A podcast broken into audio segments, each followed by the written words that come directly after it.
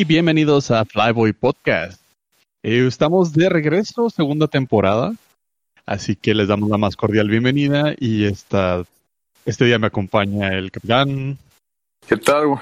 Javier Antonio Barrera, mejor conocido como Pisquis, el hermano del pollo. y hoy nos pusimos el, las, el uniforme de gala y gastamos todos los viáticos para mandar a traer a un capitán desde el otro lado del mundo. Es para mí un honor presentar a mi compadre, el comandante de comandantes, Félix Porras. Compadre, ¿cómo estás? Wow, no, pues este, antes que nada, el honor es mío que me hayan invitado para este episodio del, del 777. Hombre. De verdad significa mucho para mí y este, esperemos que les dé buena información y pues a divertirnos un rato, ¿no? Exactamente. Un placer escucharlos. No, no, el placer es nuestro, compadre. Muchísimas gracias por aceptar la invitación. Estamos de verdad muy, muy honrados. Y una vez les quiero decir a, a, a nuestros escuchas que yo nada más admiro a tres pilotos. A Lindbergh, a Zully y a mi compadre Porras.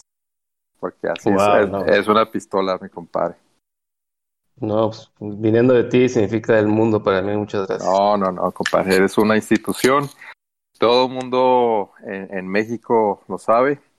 Eh, cuéntanos un poquito de ti, eh, de dónde eres, qué, qué has hecho en, en, en, cuestión de aviación, eh, dónde has volado, dónde estás ahorita, cuáles son los planes a futuro. Pues, a ver, originario de Veracruz, Minatitlán, Veracruz. Ahí crecí y como hasta los 13 años. De ahí nos mudamos a, a Los Cabos, San José del Cabo, donde hasta la fecha me considero pues de ahí, pues ahí, ahí este. Es la casa. Sí, ese es el, el nido del aviador. Uh, la, la chulada. Chulada, mano. Sí, la verdad, este.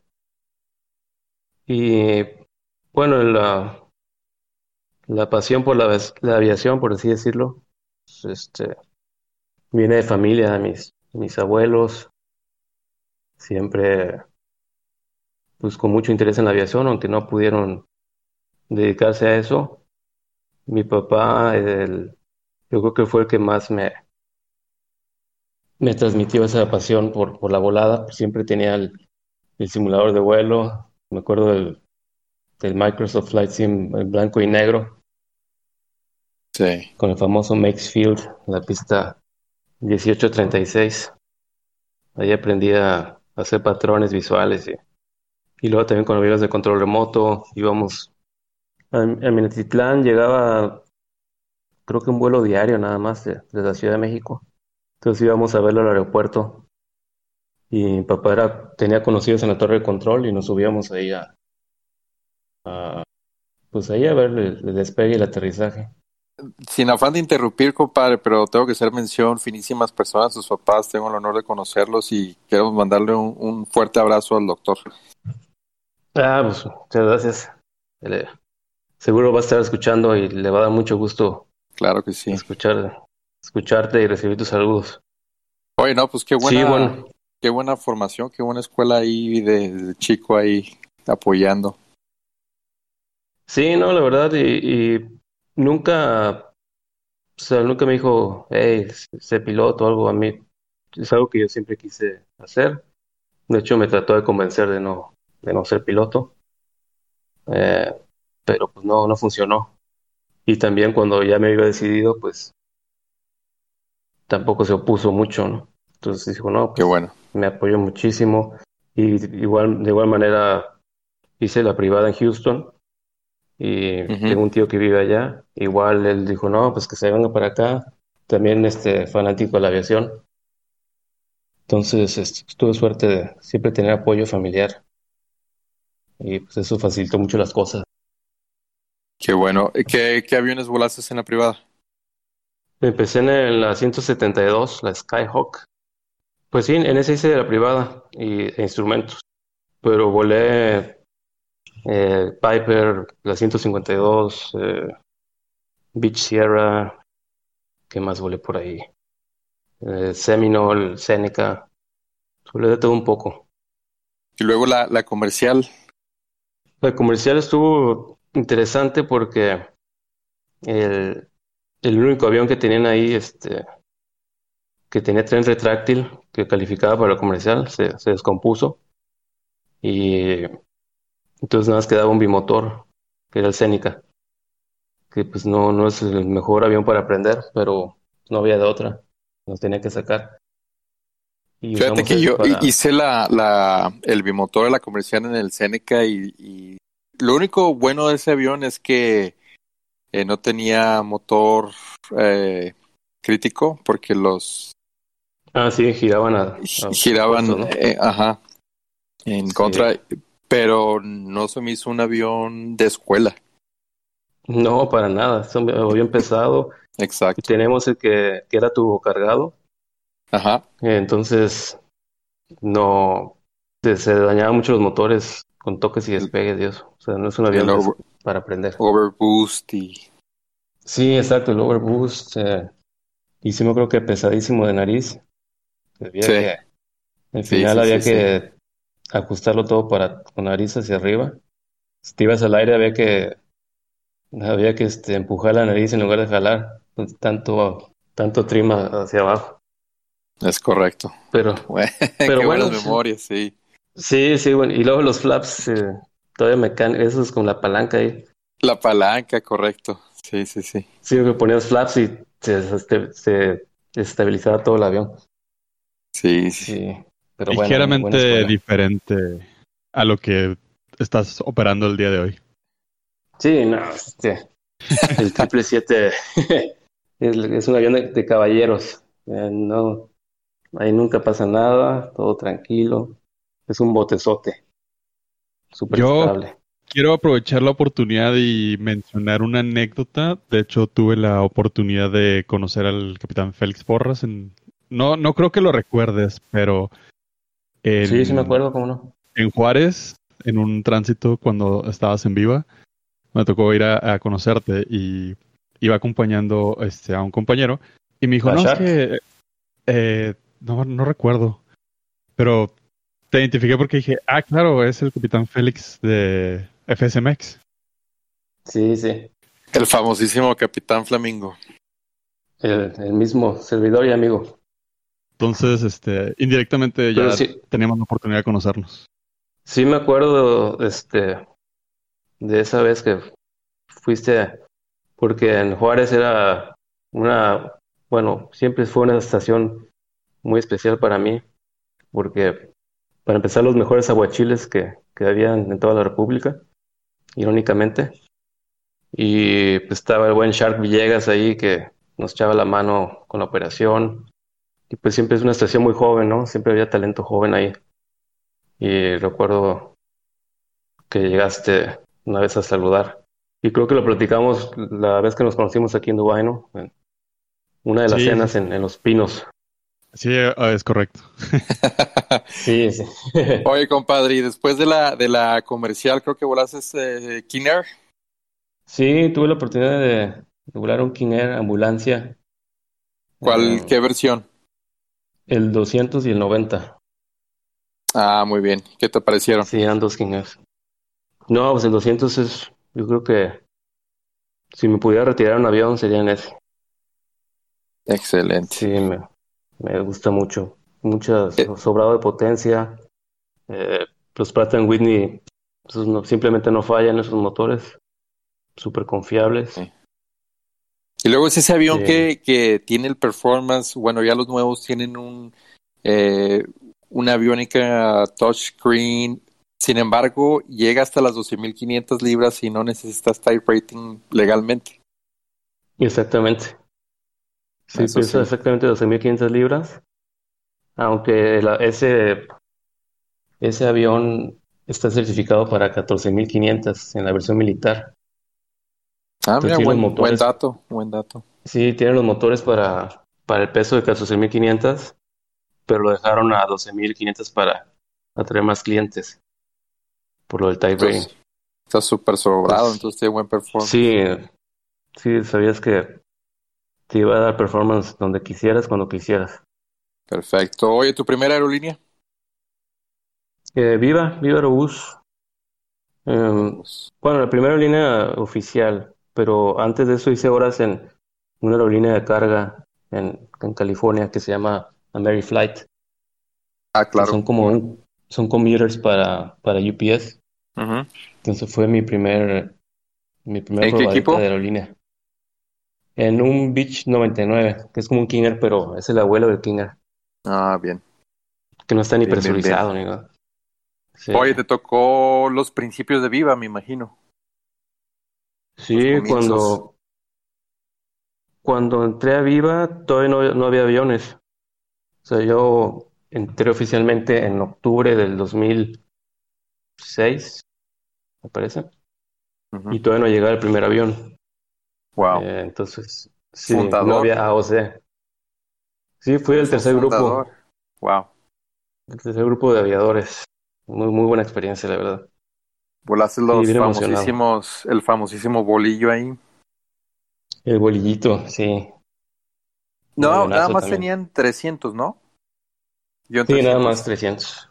Híbridos. Nada más. Sí, híbridos. Eh, bueno, no, los primeros eran todos análogos. Totalmente. Sí, totalmente. Como si fuera Ya. un guion 200 Ándale, un- igualito como el guion 200, nada más que con la FMC con la FMS. Ajá. y el, y el MCP. ¿Cuántos años volaste en Viva? Cinco años. Cinco años. Wow. Sí, Ahí tuviste tu, tu primer ascenso. sí, ahí ascendí. eh, al- Muy joven. Como ya tenía horas de... ascendí, sí, a los 24 años eh, ascendí, me dieron la oportunidad. 24 Ya. años y comandante de C-37. Wow. Sí, ni yo me la creía. Sí, fue como Y ya te, te tocó después recibir eh, guion 300 ya EFIS. Sí, como creo que el- un año antes de salirme ya empezaron a llegar los los EFIs con, con cinco tubos. con cinco Sin embargo, no te ahí. tocó el 320, ¿correcto? No, no, ese llegó hasta el- Saliste. Sí, como dos años después de que me salí, o tres. Entonces, cinco años en Viva, Sí, cinco.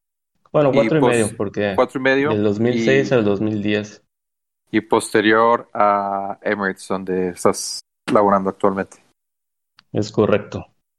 Entonces ya son 10 años en, en, en Dubái. Ya, este, ¿qué? Hoy estamos a 21. El 24 de septiembre, 10 años. 10 años, ya Ok. 10 años volando el 777, es el avión que más has volado. Así es, es lo que más, es lo que estaba pensando hoy, es lo que más he volado y el que tengo más horas, Sie- 7800 horas. en el equipo. Sí, Excelente. Bueno, Pollo, ¿qué te parece si nos das una, una introducción de, del 777, su historia, sus orígenes, todos los facts que, nos tienes guardados? Claro que sí, para todos nuestros eh, mm, listeners, el episodio de hoy se está centrado en el Boeing 777, aprovechando el expertise del comandante de Porras. Y es uno, bueno, para empezar es el, el avión insignia ahorita de, de Boeing en, en mi punto de vista. Es el que mejor les ha salido, ya que el 787 pues ahorita está teniendo dificultades técnicas y pues ya ni hablemos del 737 Max, que fue el episodio con el que nos quedamos la última vez y pues aún no, bueno, aún no vuela. Y creo que lo podríamos eh, retomar en dos años y estaríamos igual. Pero para efectos técnicos, el 777 eh, ha sido el avión más exitoso de cabina ancha de Boeing hasta el momento. Eh, uno de los aspectos que se me hace más interesantes es que fue el primer avión de Boeing que fue diseñado a partir de, una computadora.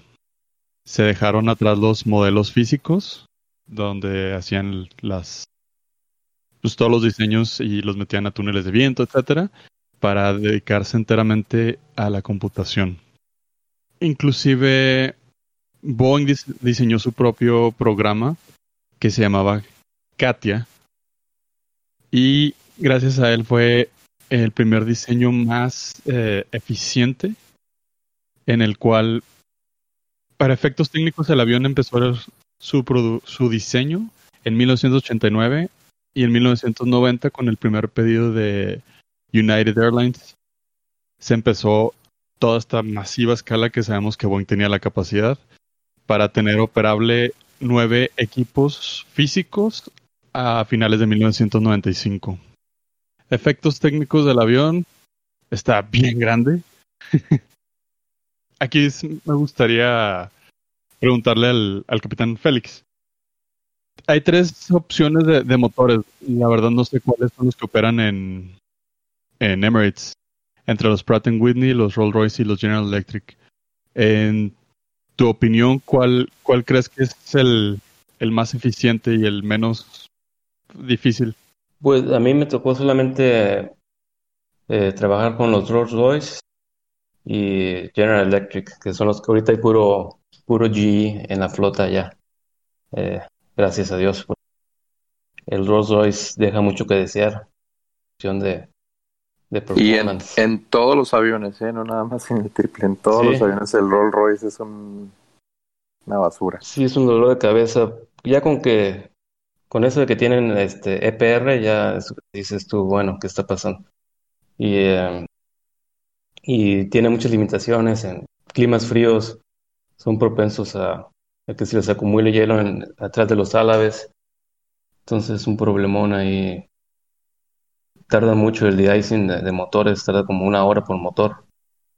Eh, el performance eh, pues no es muy bueno como tienen este tres, eh, tres ejes, el motor pues más propenso a que fallen piezas. Las reversas también ocasionaban muchos problemas. Entonces, cada que veía en el rol un Rolls Royce ya sabía que iba a ser algún tipo de, de aventura. Más en un avión pesado. Por ejemplo, los que tenían Rolls Royce eran los 300 que no son R, eh, que es un avión como el 200R más largo, pero con el mismo motor, con la misma potencia. Entonces, vuelos más de 6 horas ya andaba batallando el, el avión ahí para ascender. Ah, me acuerdo que pasando 25 mil pies te daba, no sé, 800 pies por minuto de ascenso. Y así se le llevaba hasta 30 mil. Entonces sí, este, para mí el mejor es el General Electric, más potencia. De hecho es el, es el, eh, es el motor más poderoso, se puede decir, con mayor potencia y con el diámetro más grande, ¿no? El, el G90-115. Sí, el G tiene 3 metros de diámetro y pues, la versión más grande que tenemos aquí son 115 K por motor. 115 mil libras, es, es impresionante. Ahorita que tocaste las, las los variables, uh, las variantes, perdón, compadre. Me, si mal no recuerdo, tú volaste casi todos, ¿no? Eh, 200 ER, 300 clásico, 300 ER, 200 LR y 200 Trader. Sí, de hecho volé todos, eh, desde el 200 normal Ah, tenía 200, eh, eso ya no me acuerdo. También. tenía el... sí. Ah, has volado todos los, los triple siete de, de, de Boeing. Todas las versiones. Sí, todas las variantes. Sí. Wow. Sí, es correcto. Bueno, y si tuvieras que, que, que, escoger uno. No, pues el 300CR, definitivamente. ¿Más que el, más que el 200LR o el Freighter? Sí, porque el, la cuestión con el 200 El Freighter, que, es básicamente el mismo avión, que a pesos bajos se vuelve muy, muy nervioso. Tiene tanta potencia que sí te puede salir de las manos si no, si no tienes cuidado. Y luego ese avión, por alguna razón, aquí en Emirates, solo le puedes meter 20% de D-rate o de, de, flex, por así decirlo. En el 300CR le puedes dar hasta 40% de, de D-rate. O sea que cuando estás liviano, pues te, te, mayor control. Te ayuda mucho el handling, sí. y este no, de hecho tiene tablas especiales para, para pesos, pesos bajos con BREF eh, aumentada por la cuestión de controlabilidad. La B2 también este, cambia con la elevación. Eh, entonces, digo, uno como piloto no, lo que te dé la computadora, ¿no? Los, números, no hay que hacer muchos cálculos. Se puede decir que, que podemos tomar de base el, el 300ER, ya que es el, el, la, la, versión de, de, Emirates con la cual cuenta mayor número de unidades. Y es básicamente, sus simuladores están basados en eso, ¿no? Es correcto, sí. No, no tenemos simulador del 200LR, es puro 300R. ¿Cuál sería la, la misión típica de un 300ER en la cual no salga castigado? El 300R te da full performance con payload en vuelos de menos de 12 horas. Menos de 12 horas. De, sí, temperaturas de menos de 35 grados.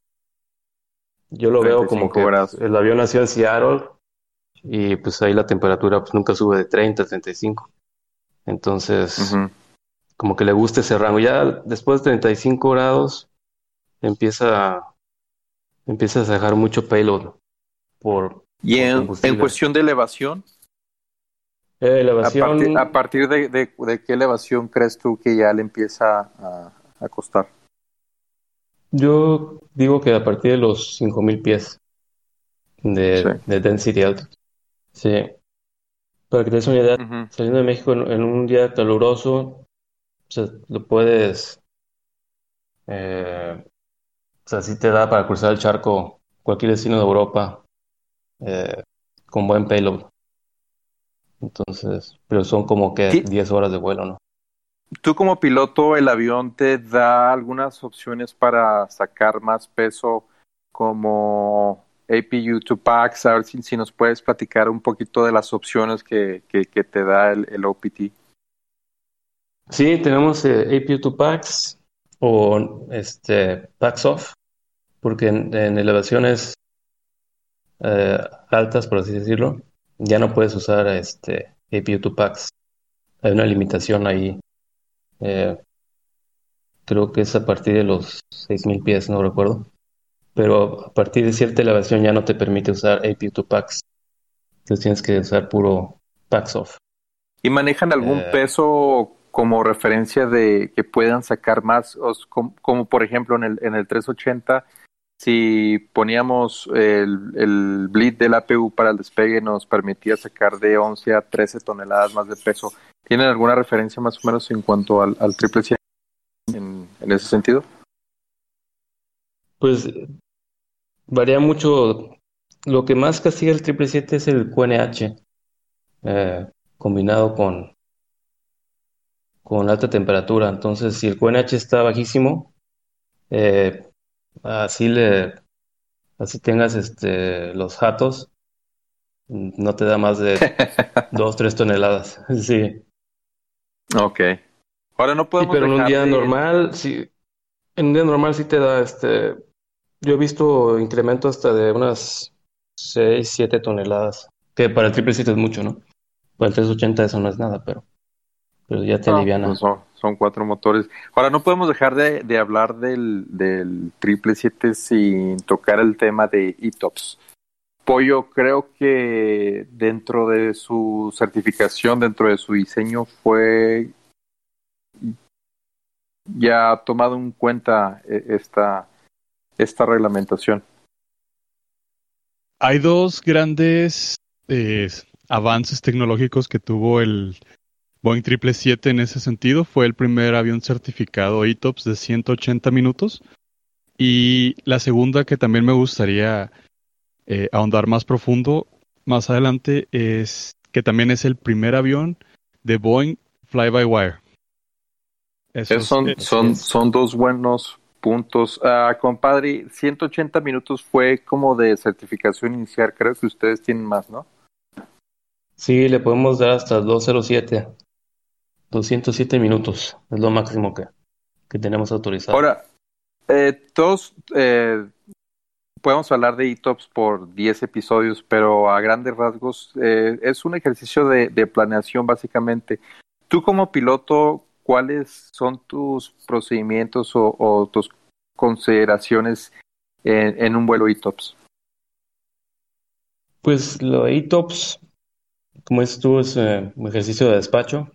Ellos checan el todo, todo lo relacionado a la ruta. Primero que nada checan que la ruta sea ETOPS o no. Ya que determinan que es ETOPS, buscan el, a partir de qué aeropuertos empieza el segmento de ETOPS en la ruta. Y ya en base a eso se determinan los aeropuertos eh, que se utilizarían en, en caso de, de, un desvío en ruta. Eh, hay ciertas, ciertos parámetros eh, de, clima, este, disponibilidad, aproximaciones. Eh, son, es parecido a, como a considerar el alterno del de destino, más que un poquito más eh, con más restricciones para tener más este más colchón ¿no? a la hora de desviarse y eso cuando, cuando hacemos el, el ground school de ETOPS tarda 3, 4 horas de eh, hacer un plan de vuelo ETOPS por eso lo hace despacho nosotros nada más checamos que las condiciones eh, meteorológicas sean correctas que estén arriba del, de la tabla alterno de ETOPS y eso ya viene en el plan de vuelo, o sea, es muy fácil. Y también checar que el aeropuerto esté abierto, no que no haya algún NOTAM ahí que esté cerrado.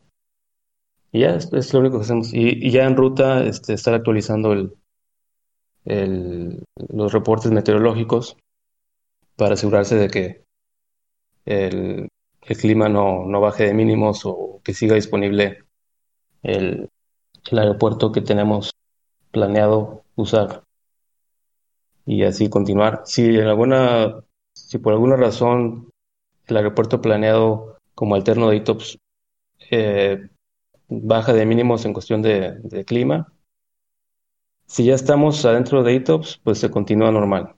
Si estamos antes de ITOPS, se puede nominar otro aeropuerto que, cumpla con las normas, que esté dentro de 207 minutos y así, pero es pura planeación. Ya en vuelo aplica aplican los mínimos que están en la carta.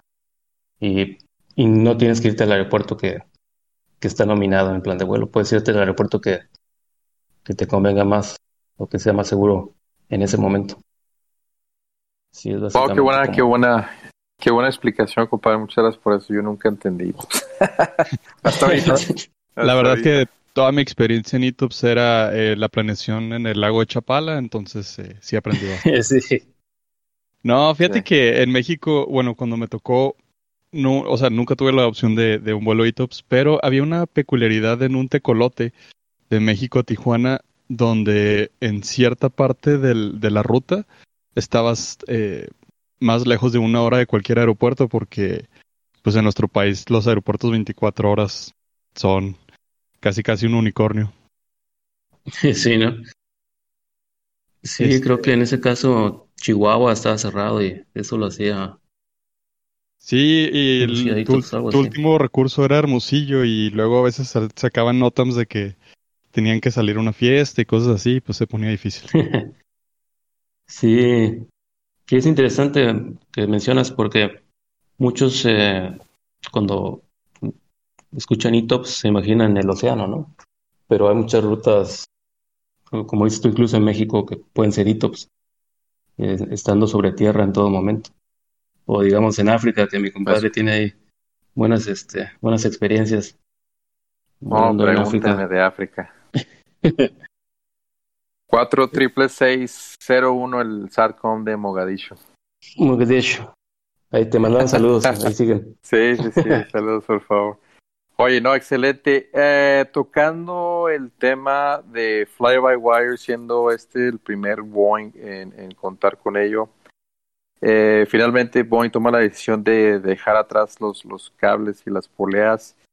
Es un sistema que no estoy hablando de ustedes, de, del público en general, de la comunidad de, pilotos en general, no entiende por qué, porque a pesar de que es fly by wire, todavía se usa el trim, todavía hay que compensarlo.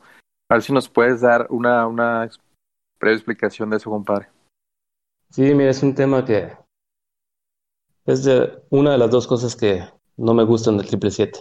Eh, una es VNAV, la otra es el fly by wire, o yo le digo wannabe fly by, fly by wire, porque sí, este, toma tiempo acostumbrarse al, al manejo de, el vuelo manual, ¿no? De, este avión, porque sí es muy automatizado, pero a la vez no es tan automatizado como, como un Airbus, digamos, ¿no? en cuestión de banqueo, sí funciona muy bien, o sea, cualquier banqueo menos de 30 grados lo mantiene, eh, no hay que, no hay que, este, jalar la nariz para compensar por la pérdida de, sustentación a, la hora de, banquear el avión. Entonces eso funciona muy bien y de hecho es un avión muy sensible en, los alerones para el tamaño que tiene. Es súper responsivo, mucho más que el 37. Entonces, los que venimos del 37 al 777 tendemos a sobre, sobre controlar los alerones, porque el 37 como es todo hidráulico, no sé si han visto videos de, aterrizajes en el 37 que se va uno peleando con, el, con la columna de mando y el avión ni se mueve, ¿no? Pero es porque Sí. Es medio, tarda mucho en reaccionar. El 777 es inmediato y lo tiene el ala tan larga que, que se siente, se siente cuando uno está sobrecontrolando, se siente como si fuera turbulencia. Eh, pero el problema más grande que, veo yo es en el pitch, porque eh, para el trim, eh, cuando se usa el trim del 777, no estás ajustando una actitud del avión, sino estás ajustando una velocidad de referencia el cual el avión va a mantener para poder mantener el pitch del fly-by-wire. Entonces, son muchas cosas que están pasando. Eh, tú mueves la columna de mando del elevador y no mueves el elevador, sino mueves, eh, le mandas una señal a una computadora que en base a la velocidad que tienes, que es la que tú ajustaste, va, va a comandar el movimiento del, del estabilizador. Entonces, no es ese movimiento no es tan inmediato, toma fracciones de segundos, eh, pues de que llegue, de que se ejecute el mando que tú quieres hacer. Entonces al principio sí, este, y es un avión muy pesado, si, no lo compensas bien es muy, muy pesado.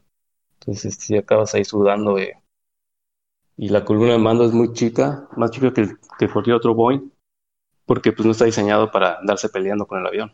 Entonces, si no lo compensas bien, eh, es una, una, pesadilla. Pero ya que, ya que entiendes ese concepto de que el trim es para la velocidad, entonces, digamos que tú quieres mantener un pitch de, de no sé, de 3 grados nariz arriba a 180 nudos, entonces primero tienes que poner ese pitch 3 grados, 180 nudos, y ahí ajustas y ya cuando ya no sientes ninguna eh, ninguna fuerza excesiva en la columna, ya significa que ya estás. El problema es que cuando cambias de velocidad tienes que cambiar el trim otra vez. Eso es lo único que hay que tener en mente. Cambias de velocidad, cambias el trim. O sea, se podría decir que si tu velocidad es constante y estás compensado para dicha velocidad, aunque cambies la configuración entera del avión, flaps, tren, no, no va a requerir compensar. Es correcto. Así es. Y sí funciona muy bien. Eh, cuando metes flaps, el avión no tiende a flotar, o sea, no hay que compensar nada. Eh, bueno, sí, pero el avión no compensa solito. Entonces, lo único que tú tienes que hacer es mantener tu velocidad y tu actitud y no tener que estar peleándose con él, con la columna de mando. Pero, eh, por ejemplo, cuando estás configurando, digamos, de, de flaps approach a, landing flaps, donde tienes que bajar la velocidad, esa transición este, puede tomarte un poquito de, de juego ahí para encontrar el, ese momento preciso para, o esa posición precisa para que quede compensado el avión. Muy bien, tocando el, el tema de fly-by-wire, eh, yo creo que la gente, una persona me he fijado que los nuevos 300ER ya no traen el tailskid, el, el patín de cola para, para evitar el, el tail strike. Eh, ¿Por qué? ¿A qué se debe, compa? Es correcto, porque el 300ER y el 200LR, los, los más nuevos, tienen el, la protección de... El fly-by-wire te protege contra un tail strike inminente. Si el sistema detecta un tail strike, inmediatamente le quita la autoridad al elevador. Y pues, tú le puedes jalar todo y tiene la columna pues hasta el estómago, pero el elevador no, va, no te va a dar todo el rango de, de viaje si el, si el sistema detecta un tail strike. Entonces, ese, patín de cola creo que pesa, no sé, 300 kilos. Y dijeron, no, pues podemos ahorrar. No es necesario tener eso porque el sistema te protege. Entonces, es casi imposible eh, pegarle la cola en el despegue. En el aterrizaje es otro, ahí, no funciona el, el, la protección del fly-by-wire, pero pues igual, si le pegas a la cola en el aterrizaje, ese patín de cola no, no te va a ayudar mucho tampoco. Entonces, hicieron un análisis de, como todo, ¿no? Un análisis de, de riesgo. Dijeron, no, pues el riesgo que le pegan a la cola es muy bajo, entonces podemos quitarle esto y así le son 300 kilos de más de carga o de pasajeros. Excelente. Respecto al fly-by-wire, eh, al momento de aterrizar, ¿cambia la lógica de, del mismo, de las computadoras, de los controles de vuelo o algo? No, se mantiene igual. Sí, porque tú siempre tienes control eh, directo del, del elevador. El, elevador sí lo tienes, pues casi directo, ¿no? Eh, lo, que, lo que maneja el fly-by-wire es el estabilizador. Sí. Eh, lo único que cambia es en tierra antes de despegar, cuando tú ajustas el, el trim para despegue. En tierra, en, tierra si mueves el, el trim, mueve el estabilizador. En, ya en vuelo el trim lo único que hace es cambiar el, el comando del estabilizador para mantener la velocidad. Eh, pero en cuestión de, en cuestión de, de vuelo manual es, es igual, no, no cambia nada. Ahorita que tocaste los puntos de qué es lo que te gusta y lo que no te gusta, ¿qué, qué más podrías agregar ahí, compadre? Em, a ver, ¿qué más? Pues bueno, en cuestión de, de handling, del vuelo manual, es eso, que el, trim sí toma un poco de... Porque no es un movimiento natural.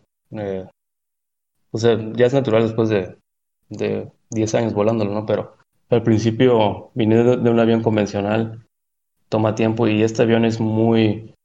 Eh, si te estás quedando alto, ya configurado con tren y flap de aterrizaje, y te estás quedando alto en la gradiente de planeo, es muy difícil eh, regresarlo sin, sin exceder eh, pues, los límites de estabilización. Entonces, el estarse peleando con, con el trim al principio genera ese tipo de, de desviaciones de los parámetros de aproximación estable. Eh, pero digo, es cosa de acostumbrarse o que alguien te diga, pase unos tips, ya con eso. La otra cosa que mencioné era el VNAV, eh, la navegación vertical programada por la FMC. Eh, deja mucho que desear porque, bueno, estamos hablando de tecnología de los, de los 90. Eh, y pues sí hay que, digo, está bien, porque uno tiene que estar monitoreando en todo momento que, es lo que debemos hacer de todos modos.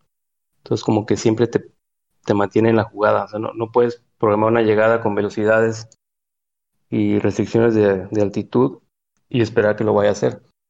Eh, lo hacen el 90% de las veces, pero hay ocasiones, no he podido cifrar por qué, que a veces o ignora la, la velocidad o ignora el, el nivel de, de, restricción. Entonces hay que estar ahí este, de vez en cuando echándole cuentas, multiplicando por tres. Y, Creo que tú una vez me comentaste que de hecho preferías el, el BNAV del 37. Sí, lo prefiero más porque incluso en el 300 eh, había una opción de, de ponerle el altímetro de la estación en la llegada y eso compensaba mucho a la hora de la transición. Eh, el, la FMC calculaba eso y ya no te, te daba salto o muy bajo a la hora de transición. Y también tenía protección de velocidad de flaps. Entonces, eh, el avión, si estaba, si no tenías flaps, VNAV nunca te iba a, bajar de, la velocidad mínima con flaps arriba.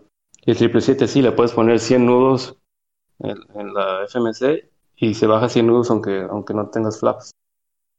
Eso se me hace increíble. No sé si sea opción de Emirates o si sí sean todos, pero sí se me hace que increíble que un avión de esa tecnología te permita hacer eso. Digo, no te vas a bajar a 100 nudos porque tiene la protección de... de sí, pero el hecho que te acepte la, la entrada, ¿no? Eso... Exacto, que acepte y que intente hacerlo. Porque sí, se, se baja hasta... O sea, va a tratar de bajarse a la velocidad, pero la protección del autotrol te va a impedir eso. Aprovechando que estamos hablando de las cosas tristes cuando las cuando todo sale mal, una de las preguntas que se me viene mucho a la mente es que al tener los motores más grandes de la industria, en caso de falla de motor, al despegue, la guiñada debe estar sabrosa. Sí y, no, porque eh, tenemos el, también parte del fly-by-wire, el, el TAC, Thrust Asymmetry Compensation, que detecta el paro de motor y mete mete creo que en tierra mete un 85% o 90% del, pedal requerido para compensar la guiñada. Entonces tú no tienes que meterle poquito más solamente para que identifiques que el motor falló, así a la, antigüita. Eh, pero obviamente todas las fallas en el simulador son, sin, son con el TAC inoperativo y no se siente tan... Como es un avión tan largo y tiene mucha inercia este avión, es, un botezote. Cuando agarra, cuando agarra brecha, no, no lo paras y ahí mantiene muy estable su curso. Entonces le ayuda mucho la longitud, el tamaño. Hace buena palanca. Eh, sí, entonces, si no reacciona rápido, sí, este, si lo dejas ir, no sé, si te esperas dos, tres segundos en reaccionar, ahí sí se siente la diferencia de, de la guiñada. O un avión liviano que es el caso del 200 carguero o el LR. Digamos que estás despegando en una pista contaminada que tienes que usar toga, avión liviano. Si te falla el motor ahí, ahí sí está, se pone cañón. Más si es después de rotación. Ahí sí que estar a las vivas, porque sí te puedes controlar muy rápido. En esos casos sí está. Pero un avión pesado, 300CR, es, es muy noble ese Ahorita que, comentas lo de la falla de motor, recuerdo cuando fui a hacer exámenes de admisión a Emirates, mi simulador fue de hecho en un 777, este, eh, precioso el avión. Sin embargo, mi idea del fly-by-wire a la hora que aterricé, dije, no, pues ha de ser como el Airbus, ¿no? Que nomás lo jalas como dos milímetros y hace el flare y ya. hice eso y obviamente hice un cráter en, en el simulador. Mm, como que replica, ¿no? Ese juego de, de, de, los controles, o sea, son, son, son inputs eh, positivos, ¿no? O sea, no es tan, tan, ¿cómo podría explicarlo? Tan mínimo como, como un Airbus. O sea, sí le tienes que, le tienes que jalar, le tienes que girar, de Sí, tienes que, tienes que mover la columna hasta que veas una reacción. Exacto.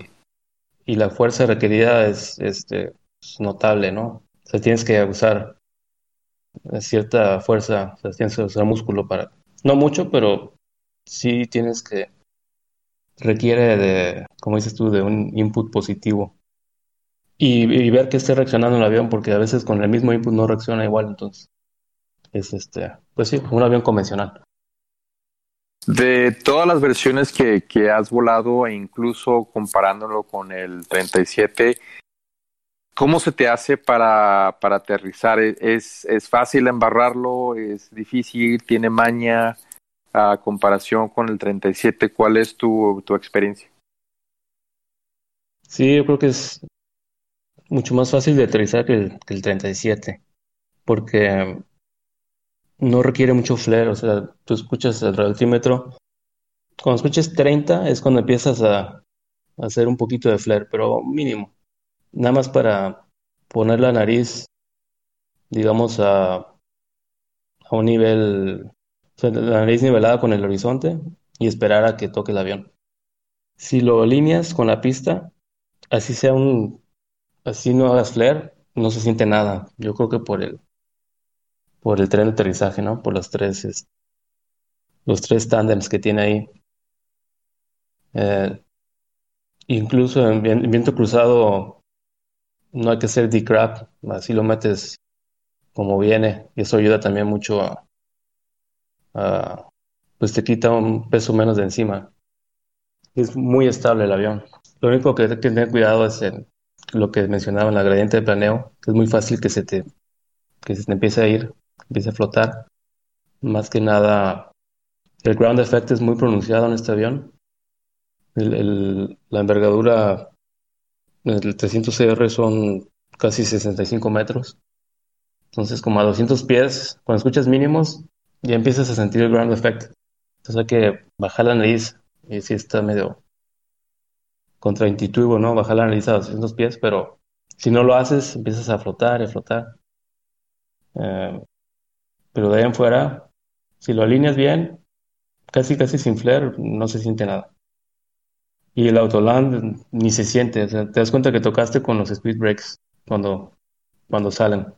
Es la única manera que, te das cuenta que, que tocó el avión.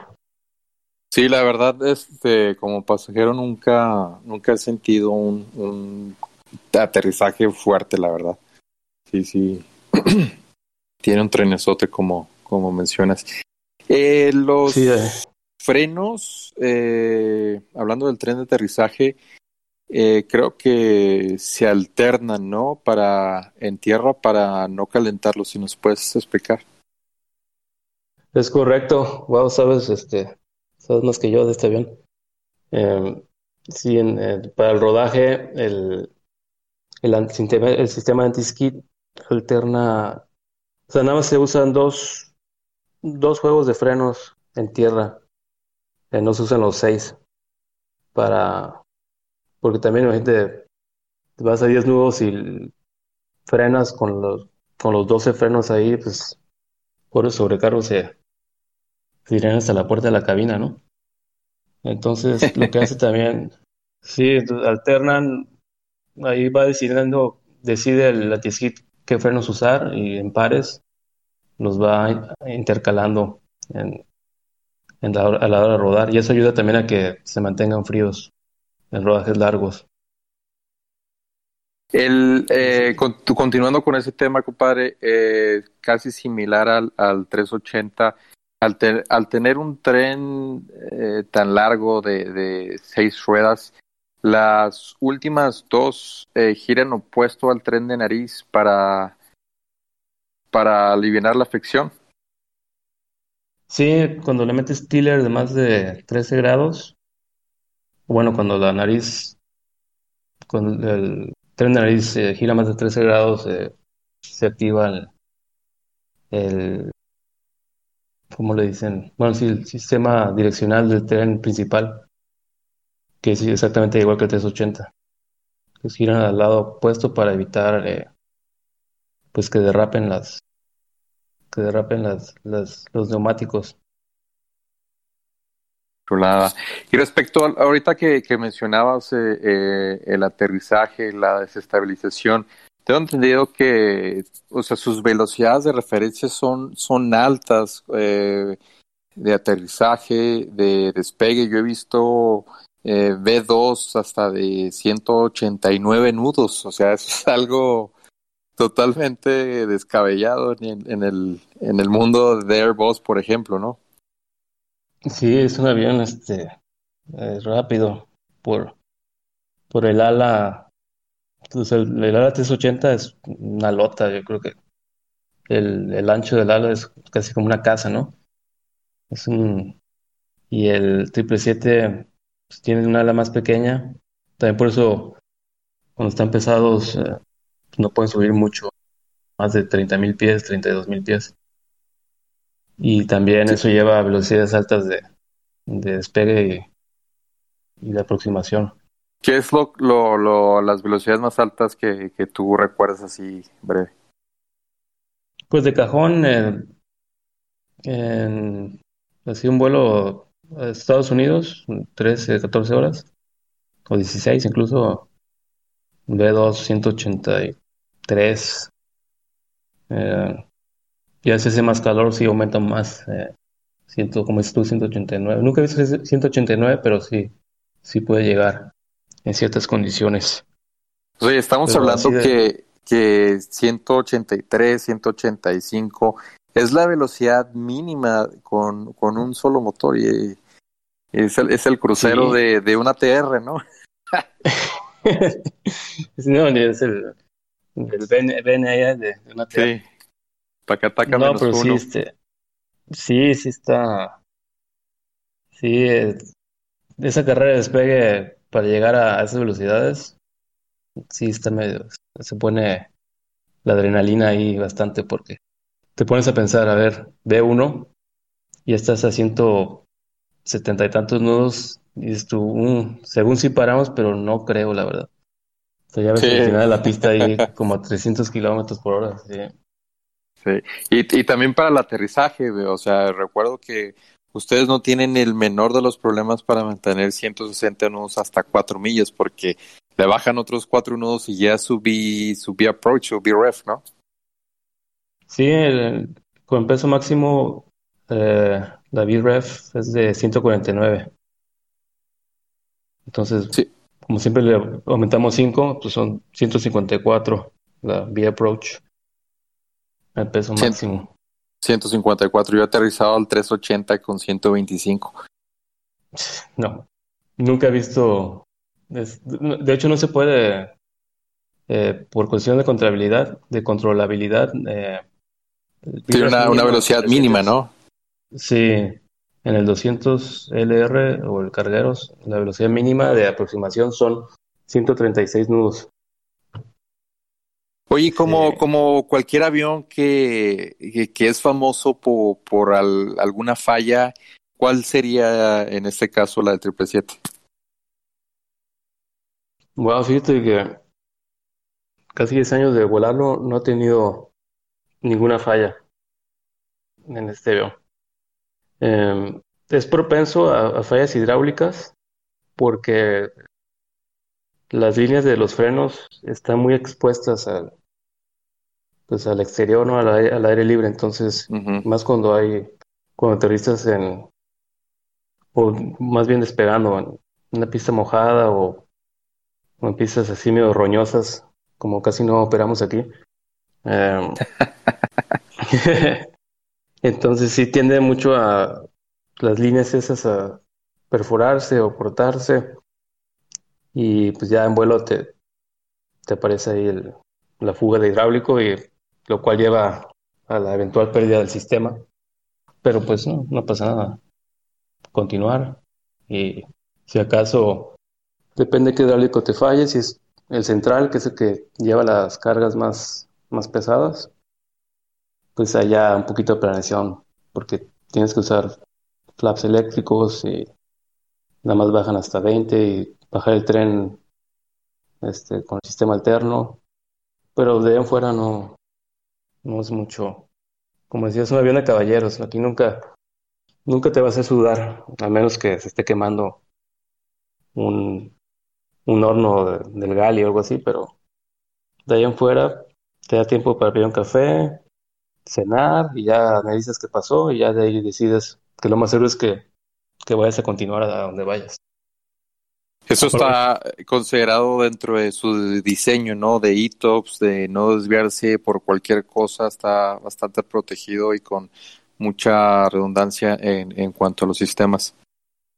Sí, los sistemas de este avión, la verdad, es, para hacer un avión de los 90 es increíble. Este, las protecciones que tiene, eh,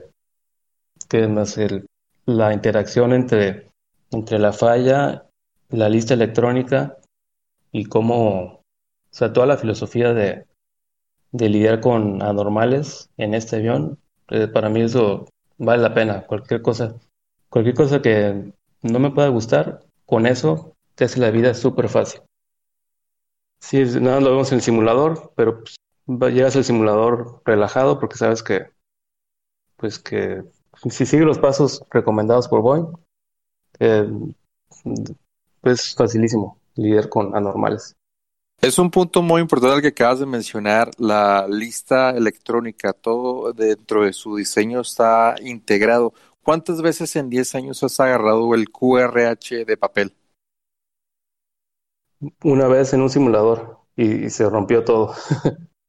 Terminamos usando el iPad. Fíjate, una vez en un simulador en 10 años de, de volarlo. Wow.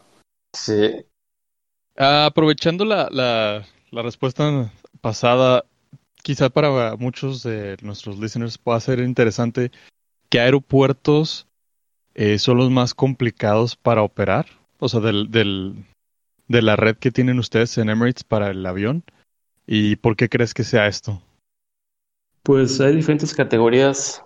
Eh, yo lo pondría complicados en cuestión de, de tráfico, eh, condiciones ambientales y complicado en el, sentido de que haya que, meterle ahí mucho vuelo manual o, habilidad, ¿no? Así de, el aviador, que, yo lo meto y no sé qué.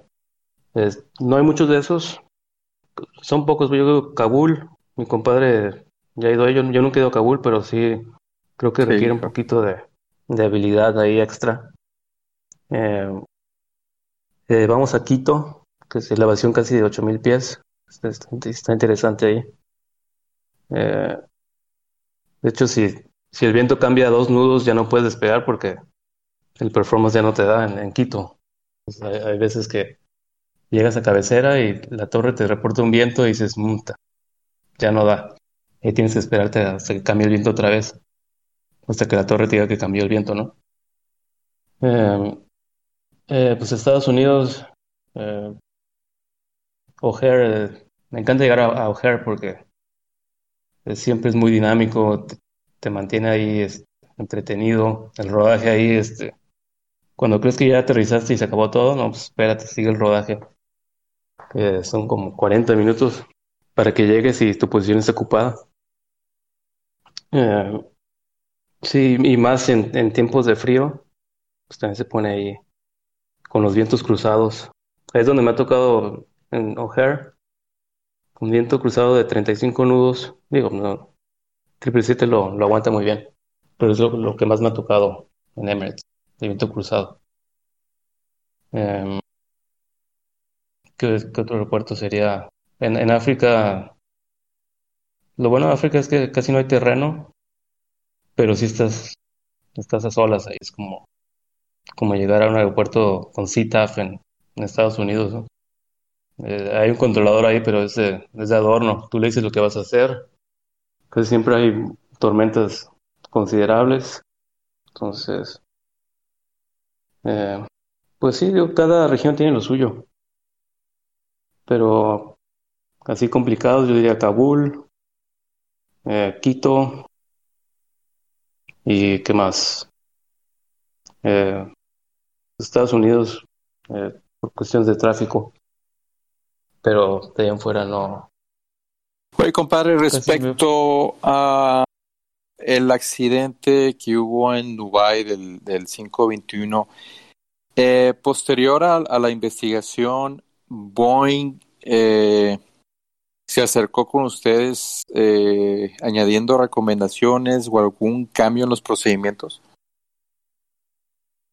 Pues em, Hasta ahorita no ha salido el reporte oficial o el reporte final, eh, pero sí han habido muchos cambios. De hecho, en este último recurrente en, eh, que acaban, en el que está ahorita vigente, se enfoca mucho en, en este idas al aire después del toque, que es donde, donde pasó este problema con el accidente del 521. Porque sí estaba en el manual, o sea, sí dice el manual que cuando al aterrizar con radioaltímetro de 2 o menos, o ya tocando, después de eso el toga se inhibe. Entonces, si tienes que ir al aire después de eso, hay que meterle potencia manual, que, es casi obvio, ¿no? Pero bueno. Em, sí, el problema es que aquí estamos tan... ya sabemos que, que el sentido común no es común. Sí, no es común o, está prohibido en, esos, en estos rumbos. Entonces, eh, yo nunca he volado el, el 777 real con aceleradores manual este, hasta la fecha. Eh, y pues no estamos acostumbrados a eso. Y lo problema es que en el manual sí venía escrito, pero en una hoja nada más, en una de las, no sé, 6.000 hojas que hay de diferentes FCOM, Flight Training Manual, QRH. Esa nota venía ahí escondida en una de las 6.000 páginas de que toga no sirve después del toque. Bueno, no sirve, está inhibido después del toque. Ahorita ya está cada tres páginas ahí. Recuerda, este, toga está inhibido después del toque. Tienes que hacer un go around after touchdown, mm, potencia manual. Y es lo que están practicando, estamos practicando ahorita en simuladores porque hasta antes del accidente no, no se practicaba una ida al aire después del, toque.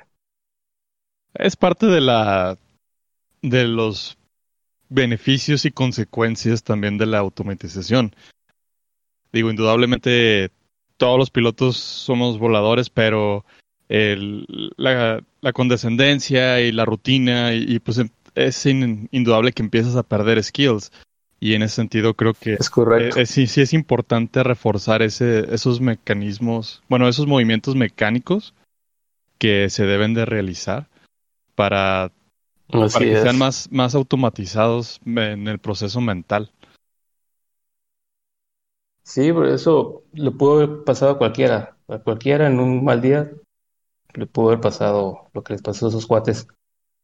La diferencia es de que pues muchos tenemos, como dices tú, la, la memoria muscular, de que pues, cuando te quieres ir al aire, antes que nada avientas las potencias hasta el, hasta el radar y de ahí ya a ver qué le picas, pero potencia y actitud, ¿no?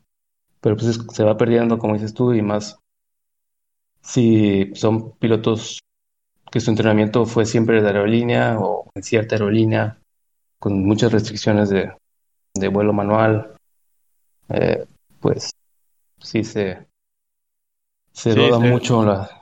Se complica y vaya, para que nada más mencionarlo como precedente no es exclusivo de ni de Emirates ni del avión, porque también el accidente del 3 del 330 de Air France que salió de Brasil a, a, Francia, eh, una de las de los errores más grandes fue que nunca tomaron el control del, de los throttles.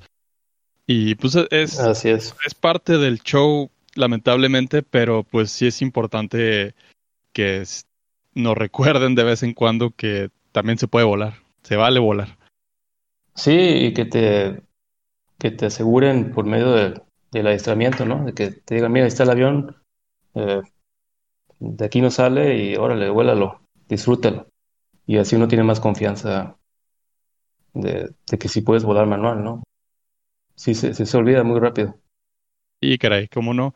Eh, sí, yo siempre he sido muy fan de, de, de, que las sesiones de simuladores no sean carnicerías humanas y, que también sea un momento para disfrutar y aprender, porque en la línea, pues te digo, es más difícil eh, extender nuestras capacidades cuando tienes presión de itinerario, tienes a los pasajeros, tienes el avión y pues, si algo sale mal, sabes que indudablemente tu trabajo también está en la línea.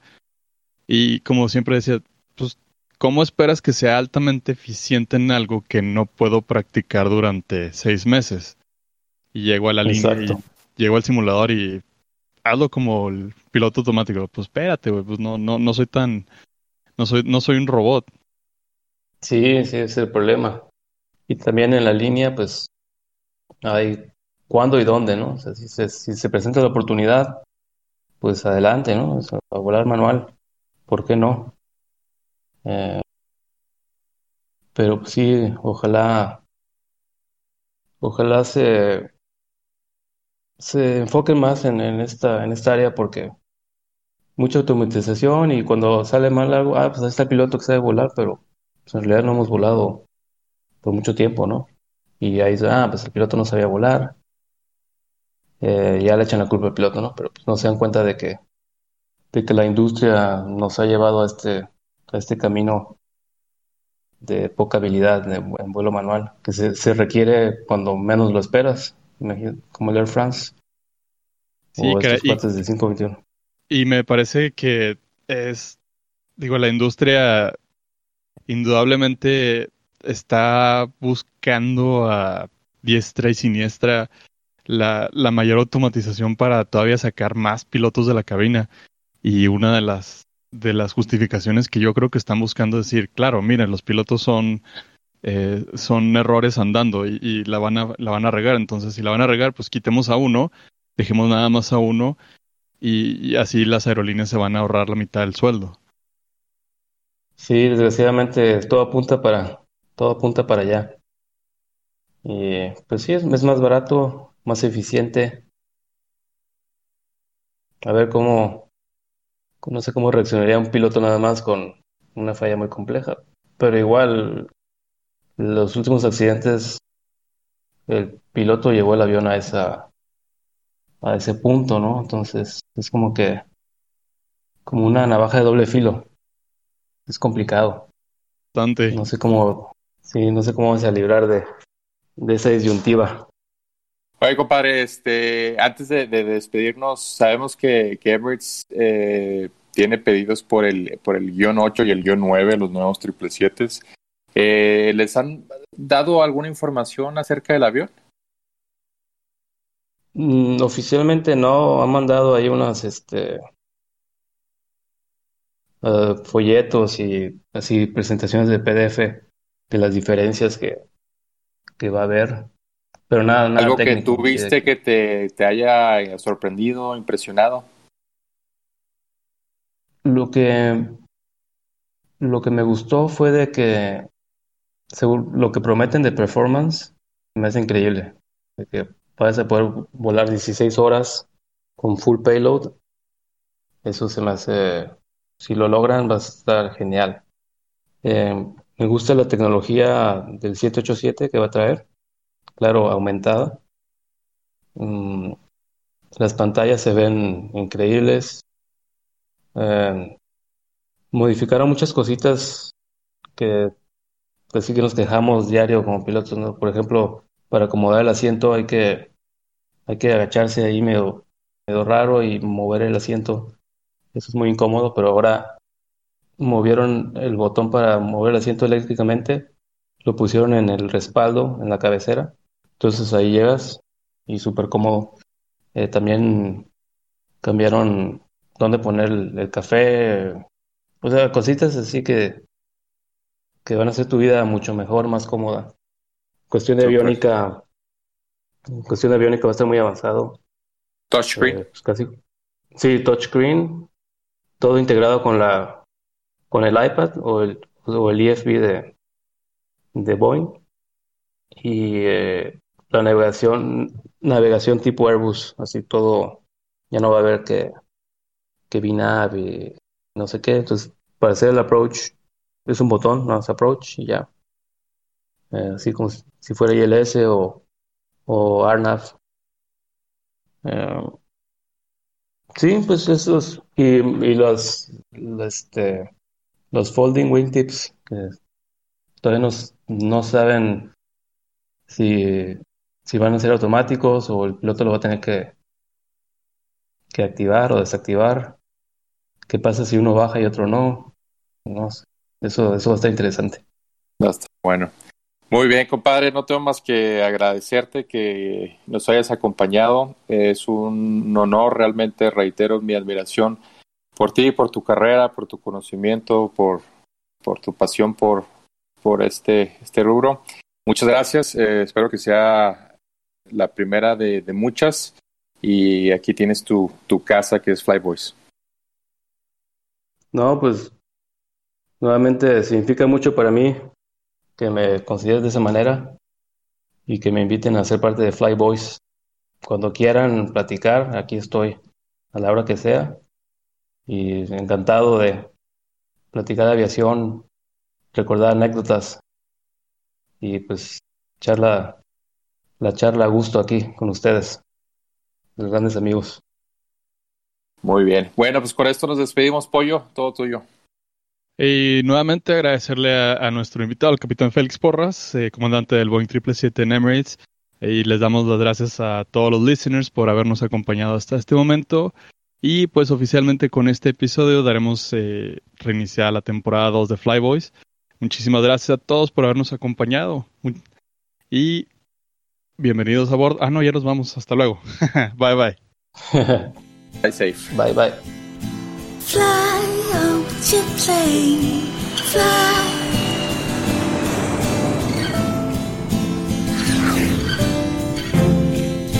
We used to be inseparable.